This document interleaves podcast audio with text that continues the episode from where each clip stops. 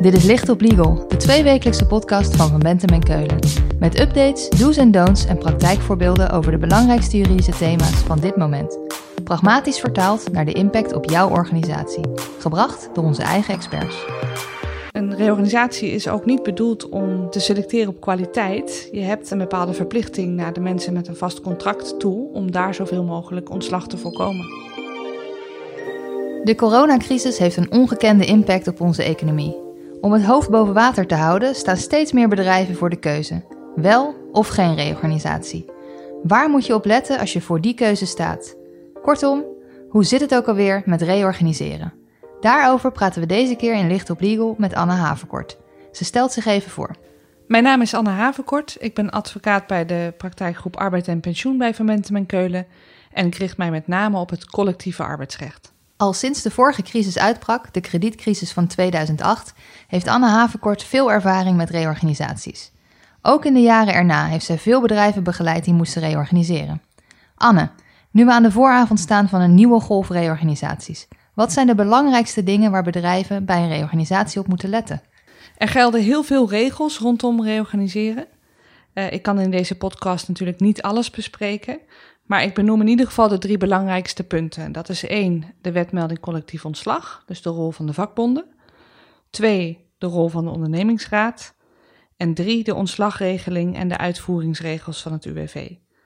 Nou, die eerste twee punten zal ik heel kort aanstippen en op de ontslagregeling en uitvoeringsregels van het UWV, daar zal ik wat langer op ingaan, want dat is toch wel heel complex. De uitvoeringsregels van zo'n reorganisatie, daar komen we zo direct op.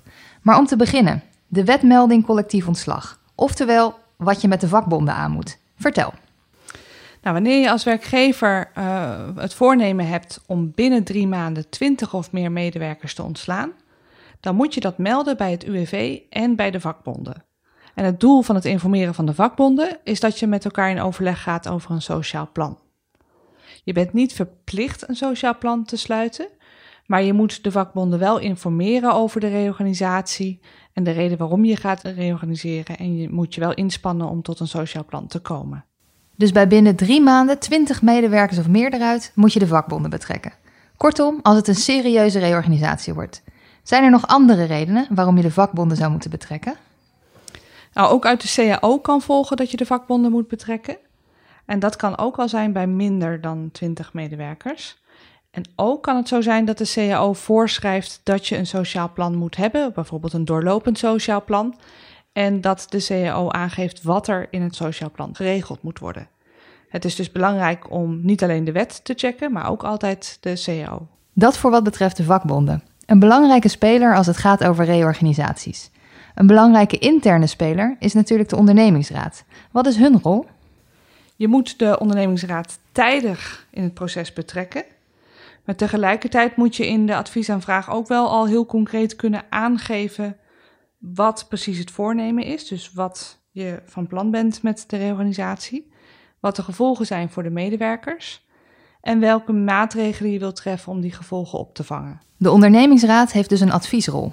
Dat kan natuurlijk twee kanten opvallen: positief of negatief. Ja, als de OR een positief advies afgeeft, dan kun je door met je reorganisatieproces. Wanneer de OR negatief adviseert, dan moet je een maand wachttijd in acht nemen. En dat betekent dat je een maand lang geen uitvoering mag geven aan de reorganisatie.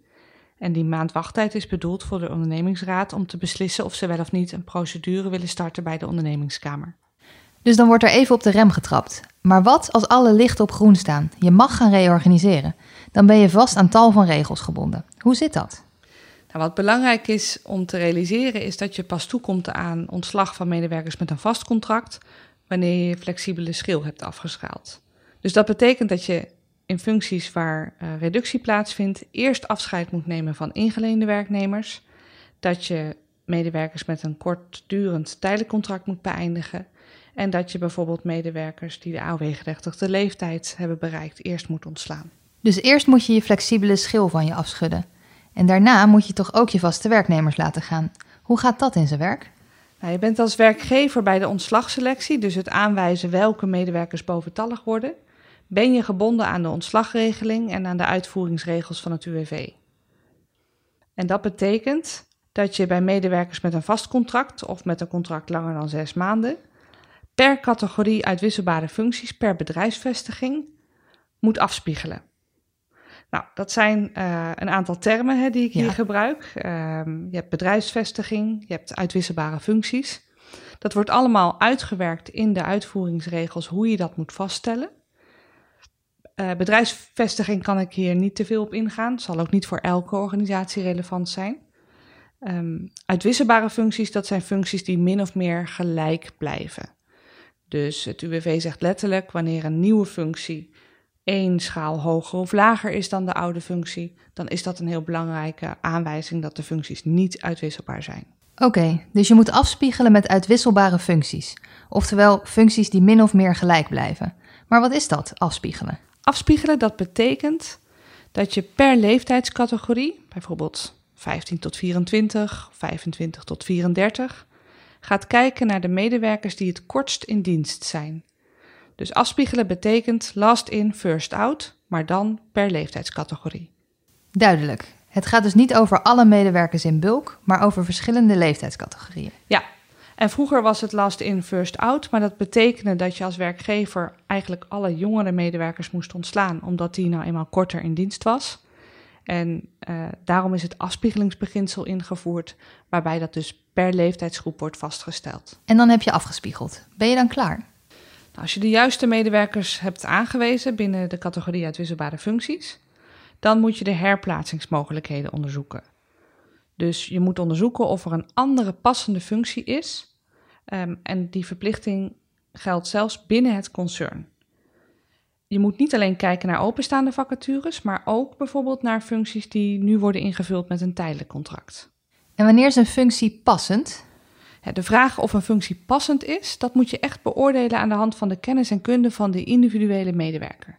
Dus bij uitwisselbare functies, waar het gewoon gaat om dezelfde functie, daar kijk je puur op basis van het duur van dienstverband of iemand wel of niet in de eigen functie kan aanblijven. Maar bij het herplaatsingsonderzoek moet je echt een match maken tussen functie en medewerker. Dus dan heb je meer ruimte om de beste te selecteren.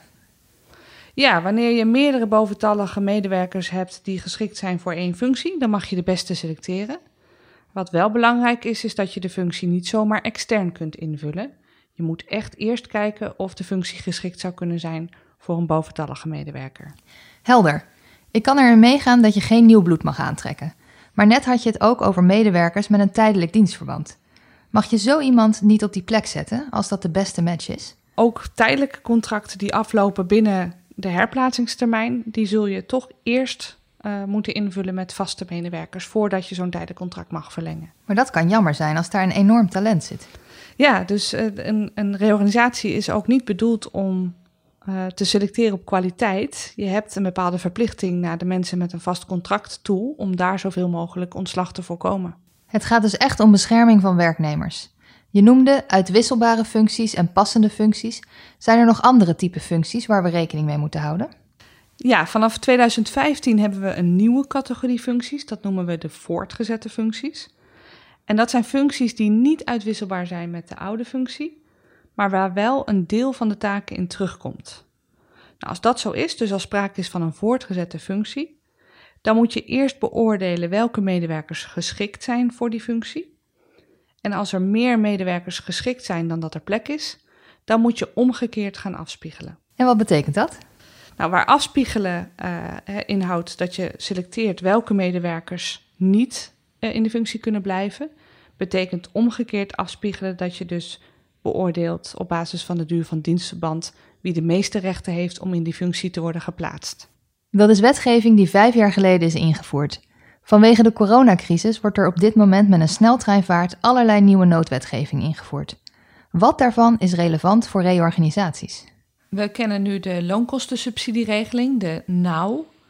En onder de NOW 1 uh, was het nadrukkelijk niet de bedoeling dat je als werkgever ging reorganiseren. Als je dat toch deed, dan moest je als werkgever niet alleen 100% van het loon van de voor ontslag voorgedragen medewerkers terugbetalen, maar kreeg je ook een zogenaamde ontslagboete van 50%. Nou, op het moment dat we deze podcast opnemen is drie dagen geleden, dus 22 juni, de NOW 2-regeling gepubliceerd. En nu is het wel toegestaan om te reorganiseren. Die ontslagboete van 50% is komen te vervallen. Je moet nu alleen het loon terugbetalen van de medewerkers die je vanwege een reorganisatie uh, gaat ontslaan. Uh, als je binnen de subsidietermijn wil reorganiseren, dan ben je natuurlijk wel gebonden aan de wetmelding collectief ontslag.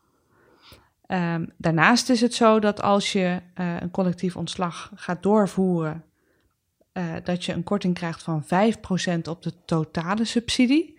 Tenzij je ook daadwerkelijk een akkoord hebt verkregen van de bonden of je gezamenlijk een bemiddelingsverzoek hebt ingediend. Oké, een korting van 5%. Hiervoor was het een boete van 50%. 5% korting. Dat klinkt als een calculated risk die je als onderneming nog wel wil nemen. Ja, of dat zo is, dat zal afhangen van, uh, van, de, van de situatie. Uh, maar het is dus inderdaad wel zo dat die 5% ziet op de totale subsidie. En dat die 50% alleen zag op de werknemer die je ging ontslaan. Dat voor wat betreft de NOW 2. Laten we de praktijk induiken. Stel, ik zit in het management van een bedrijf en ik wil reorganiseren. Waar moet ik dan op letten? Ja, wij adviseren altijd eerst te kijken of een reorganisatie eh, en het wettelijk kader wat daarbij hoort, of dat wel een oplossing biedt voor eh, de noodzaak om je organisatie anders in te richten. Er wordt bijvoorbeeld veel gedacht dat een reorganisatie een makkelijke manier is om afscheid te nemen van dysfunctionerende medewerkers. Maar dat is lang niet altijd het geval, omdat je zo strak moet kijken naar de afspiegeling en vervolgens nog de wettelijke herplaatsingsverplichting hebt. Wat wij ook wel zien is dat bedrijven bijvoorbeeld in plaats daarvan kiezen voor een vrijwillig vertrekregeling. Dus dat ze voordat ze gaan reorganiseren met alle wettelijke regels die daarbij horen, eerst een vrijwillige ronde inlassen waarbij mensen kunnen intekenen en uh, met een vrijwillige vertrekregeling de organisatie kunnen verlaten. En als ik dan toch in een reorganisatie terechtkom, is er dan een manier om onder dat afspiegelen uit te komen? Bijvoorbeeld door de functie net iets aan te passen, waardoor het niet meer uitwisselbaar is? Uh, ja, dat noemen we de stoelendansmethode. En dat werd uh, in het verleden best wel vaak gebruikt. Dus dan uh, stelde de organisatie nieuwe functieprofielen op die, um, waarvan de functies toch echt heel anders waren dan de oorspronkelijke functies. En dan werden de beste medewerkers werden dan geselecteerd voor die functies. Sinds 2015 is dat wel een stuk ingewikkelder geworden door hè, wat ik net aangaf over die voortgezette functies. Dus je kunt functies wel uit elkaar trekken, maar wanneer een deel van de taken toch terugkomt in die nieuwe functie, dan zul je toch eerst moeten beoordelen of de medewerkers geschikt zijn. En wanneer er meer medewerkers geschikt zijn dan dat er plek is, zul je toch alsnog weer moeten afspiegelen. Duidelijk. En dan is het zover. Het management heeft besloten, we gaan reorganiseren dan komt het op het bordje van de HR-manager en de bedrijfsjurist terecht. Wat moeten zij doen? Ja, wij adviseren altijd een concreet stappenplan te maken, dus een tijdslijn. wanneer uh, betrek je de bonden bij dit traject? Wanneer ga je de adviesaanvraag aan de ondernemingsraad toesturen? Wanneer informeer je de medewerkers? Zijn er al dingen die je in kaart kunt brengen? Um, hoe ziet de nieuwe organisatie eruit? Uh, hoe, welke functies komen er terug in die nieuwe organisatie? Dus wij adviseren altijd om eerst het plaatje in kaart te brengen voordat je aan een reorganisatie begint. Kortom, bezint eer begint. Ja, dat klopt, want een goede voorbereiding dat kan heel veel discussie achteraf met medewerkers voorkomen. Anne, dankjewel. Als we meer willen weten, waar kunnen we dan terecht? Ja, voor vragen kun je mij altijd mailen uh, via annehavenkort.vbk.nl. En verder publiceren wij regelmatig legal updates, zo ook over de NOW 2-regeling, die te vinden is op onze website.